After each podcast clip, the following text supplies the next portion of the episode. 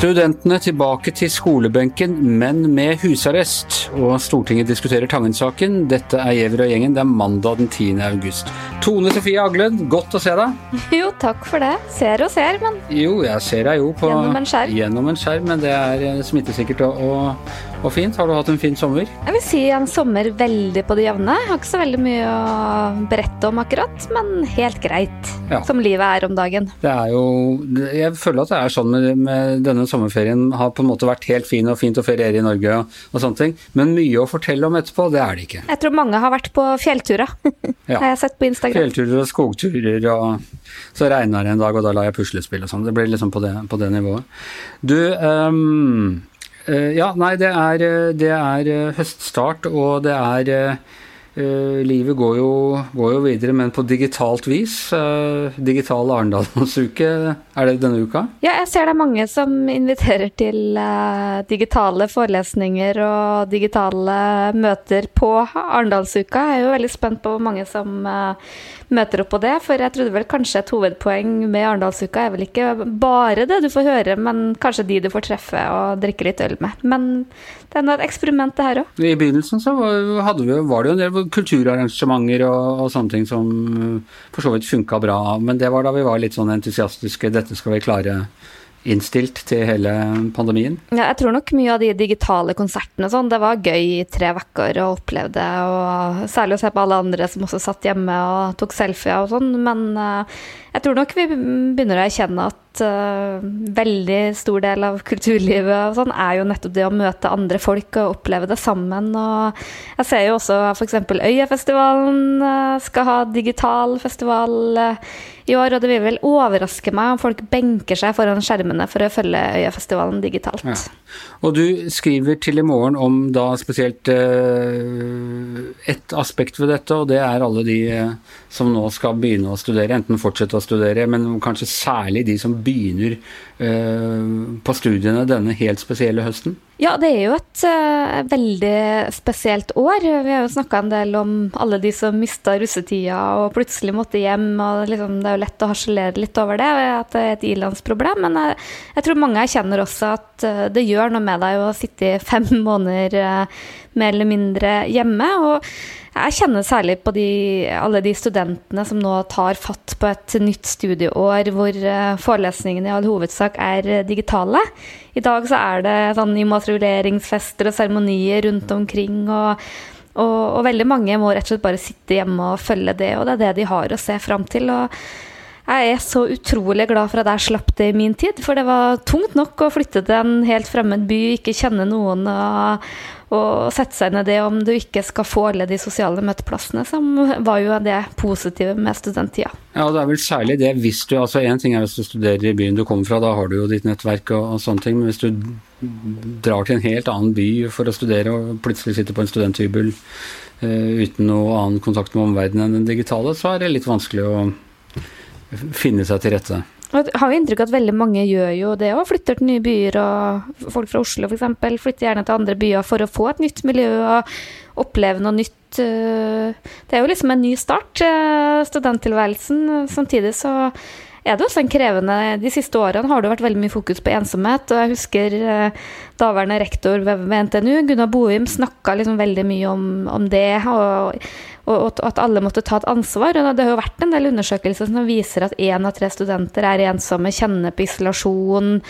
Bent Høie snakka om det som et stort folkehelseproblem, og plutselig så har vi liksom skrudd at alt skal være digitalt, nettundervisning, fadderukene, fy-fy, man skal lage små kohorter. og og selvfølgelig er smittevern viktig, men jeg er liksom bekymra for hva det her gjør med med, med, den mentale helsa til mange. For det Én ting er at liksom det faglige tror jeg ikke du klarer å, å, erstatte digitalt, men ikke minst det behovet for å møtes og få venner og sånn, tror jeg er utrolig viktig. Så jeg håper virkelig at studiestedene har vært flinke til å finne alternative måter. Men du som er opptatt av konkrete politiske løsninger, hva er de konkrete politiske løsningene her? Skal man, skal man uh, være mindre restriktiv på smittevernet, eller er det eh, Nei, kan, det kan man jo ikke. Det er jo den oppblomstringa vi ser nå, viser jo hvor uh, utrolig viktig det er. Men jeg, jeg, tror det er ganske stor forskjell på uh, hva man kan,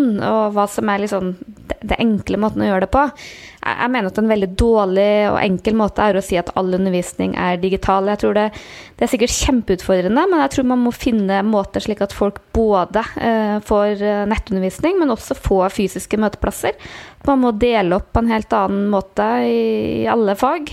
Eh, jeg tror en del steder skal jeg prioriterer førsteårsstudenter. Det tror jeg er eh, fornuftig. Men eh, man må rett og slett anstrenge seg, og det krever ganske mye eh, av studiestedene. Og vanligvis er det jo litt sånn man har en forelesning, og studentene kommer dumpende innom, og man tenker ikke så mye innover over dem. Så, så mm, Nei, jeg, jeg, må si jeg... Nå blir det at man da rullerer, da, at det er litt ja. Eh, kamp om plassene. altså La oss si at man har plass til liksom en tredjedel av hva man vanligvis har i en forelesningssal. Og... Jeg tror man må rullere på en helt annen måte, for det er eh, slik at alle får litt av alt. At ikke noen risikerer at du like gjerne kan sitte på en øde øy som en eh, overprisa studenthybel der du er. For det tror jeg noen kan risikere. Så mm, det er i hvert fall én måte, og det gjelder vel for så vidt også arbeidslivet. Jeg tror det er mange etter hvert som begynner å kjenne på at uh, hjemmekontor er fint uh, til sitt bruk, men man savner etter hvert det å, å, møte andre og møte kolleger og være en del av et fellesskap. Ja, jeg skulle til å si det. Vi eh, i VG vi forlot hverandre altså da denne skjebnesvangre dagen i, i mars. Uh, ingen av oss på kommentaravdelingen i hvert fall har, har vært samlet tilbake på jobb. Og øh, vi skulle fases inn fra 1.9, men nå ser det kanskje ikke sånn ut i arbeidslivet heller. Som om vi møtes igjen da. I hvert fall ikke alle på en gang. Nei, særlig i store byene Oslo vil jeg tro at den oppblomstringa vi ser gjør at det blir eh, utsatt. Og, eh, så jeg frykter for vår del at eh, vi neppe kommer tilbake med det helt første. Men jeg tror det er noe arbeidsgivere alle må være bevisst på. For jeg tror mange kjenner på det at eh, det var kanskje spennende de første tida, men etter hvert så er det et eller annet med at eh, livet flyter litt sammen, og folk fungerer annerledes. Eh, må bare være hjemme. Så det Nei, jeg tror det var, det var nok en ganske stor skuffelse for mange at uh, den høsten som vi kanskje trodde skulle bli en mer normal, uh, heller blir noen skritt tilbake. Hvordan opplever du, altså Regjeringen fikk jo mye egentlig ros uh, summa summarum for å ha håndtert situasjonen på en ordentlig måte, og det gikk bra i Norge og vi pusta letta ut og, og sånne ting. Hvordan Eh, tror du det vurderes nå, eh, rent eh, politisk? Er, står de like sterkt som de gjorde før sommeren? Ja, vi ser jo det at de har fått veldig stor oppslutning om, om alle tiltakene. Og syns også at mange er gode på å kommunisere. Men jeg syns det har vært påfallende lite debatt om en del ting. Eh, noe som jeg er litt sånn opptatt av, som jeg er usikker på, er jo den ensomheten i, i eldreomsorgen. Hvor mange gamle rett og slett har vært mer eller mindre isolert. Mange har dødd eh, alene, nesten uten å ha sine pårørende rundt seg. Det er, liksom, det er noe av de tingene jeg syns det er rart at vi ikke har diskutert uh, mer. Jeg må, jeg må, si det grepet som regjeringa gjorde nå med å stoppe alkoholservering klokka tolv, syns jeg på en måte var en litt sånn merkelig måte å straffe en næring som har gjort enormt mye, som har tapt veldig mye, som jeg opplever liksom virkelig har fått det til. Og det er jo ikke der vi liksom har sett de store smitteutbruddene heller. Og jeg tror kanskje noe man vil få en debatt om å stille spørsmål med, var var det klokt å åpne opp for reiser til såkalte grønne land, at det kanskje var det, men uh, Hadde de stoppet folk fra å reise, så, men til gjengjeld liksom vært mer liberale med utelivet, så hadde man sagt at ja, man skulle ha strammet inn. Altså, det, det, er jo på en måte øh, Det blir ikke riktig Nei. noe som helst så lenge vi har denne smitten rundt oss, og, og faren for oppblomstring er der hele tiden.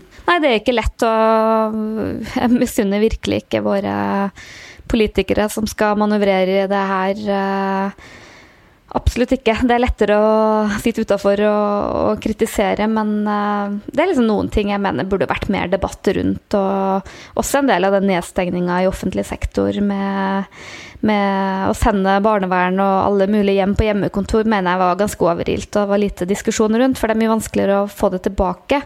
Men uh, så tror jeg nå, da, som vi har fått den oppblomstringa, så, så er det jo vanskelig å vite hva som er hva. Hva er årsaken? Og, men jeg tror kanskje det spesielle med mange av tiltakene hvor man har vært veldig stringent, f.eks. hytteforbud, uh, skjenkestopp, alle, så er det veldig sånn man vet hva man får lov til og ikke.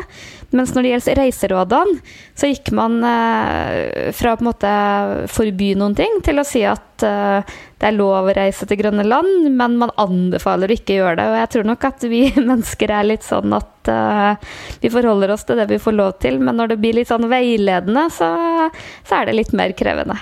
Ja, eh, den tausheten som har vært rundt en del av det, og enigheten, den har ikke gjeldt innad i kommentaravdelingen, hvor det har vært en god del uenighet. Men nå er eh, Hans Petter Sjøli på ferie fremdeles, og han er den kontrære stemmen innad i avdelingen der. Absolutt. og jeg er den kontrære når det gjelder bruk av munnbind, så jeg ergra meg veldig når jeg leste lederen i VG. Ja, for hva mener du om munnbind? Nei, jeg er skeptisk til, til det. Jeg tror det er et uh, gir en falsk trygghet. Og jeg ønsker virkelig ikke et samfunn hvor vi skal gå rundt med munnbind overalt. Eh, men man skal bruke det der det virkelig er, uh, er trangt og, og, helt nødvendig. Men å tro at det liksom løser problemene, at vi løper rundt med munnbind, det, jeg håper virkelig ikke vi kommer dit. Da er du vel mot hijab òg, da kanskje?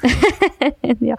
Jeg har for øvrig debutert med munnbind på fly her, her, om dagen, og måtte jo selvfølgelig ta den der offisielle selfien som alle tar, og fikk høre at jeg både hadde det eh, bakvendt og opp ned og alt som var galt, så vi får håpe at det gikk greit likevel. Nei, det tryggeste er burka i disse dager. Vi kommer til å diskutere dette mer dere her i Giæver og gjengen. For da skal vi til Stortinget, og til deg, Hanne Skartveit. Hallo. Hei. Eh, hvordan har eh, høringen eh, om Tangen gått? Det har vært veldig interessant. Eh, Julie Bråttkorp, som er leder for representantskapet, kom med en knusende innledning hvor hun bare ramset opp punkt etter punkt at her var det lovbrudd, her var det brudd på etiske retningslinjer. Eh, krystallklar. Svarte på spørsmål. Så kom Øystein Olsen og var like overbevist om at her var det ingen brudd på lover og regler. Her var alt etter boka. Dette var kjempebra. Så det er to verdener og to syn på dette som kolliderer fullstendig. Så øh, hva mener Bråskorp, tror du? Mener du hun at øh, ansettelsen må omgjøres, eller mener hun at Øystein Olsen må gå? Som hun sier på sitt strengt formelle vis at mitt, mitt uh, oppdrag er ikke å mene eller forutse. Mitt oppdrag er, og vårt mandat, som hun sier, er å kontrollere etterkant hva som har skjedd, ikke mene noe om hva som skal skje. Nei. Men la oss si at man tar det hun sier på alvor og som sannhet, og, og dette er en helt riktig analyse av situasjonen.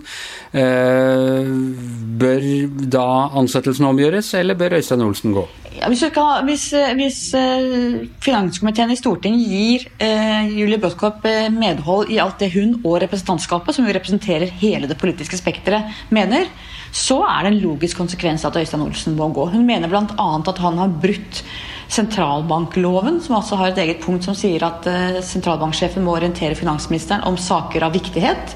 Olsen har ikke orientert Sanner på forhånd om at det var et premiss at Nicolai Tangen skulle beholde en stor eierandel i dette hedgefundet Aco Capital.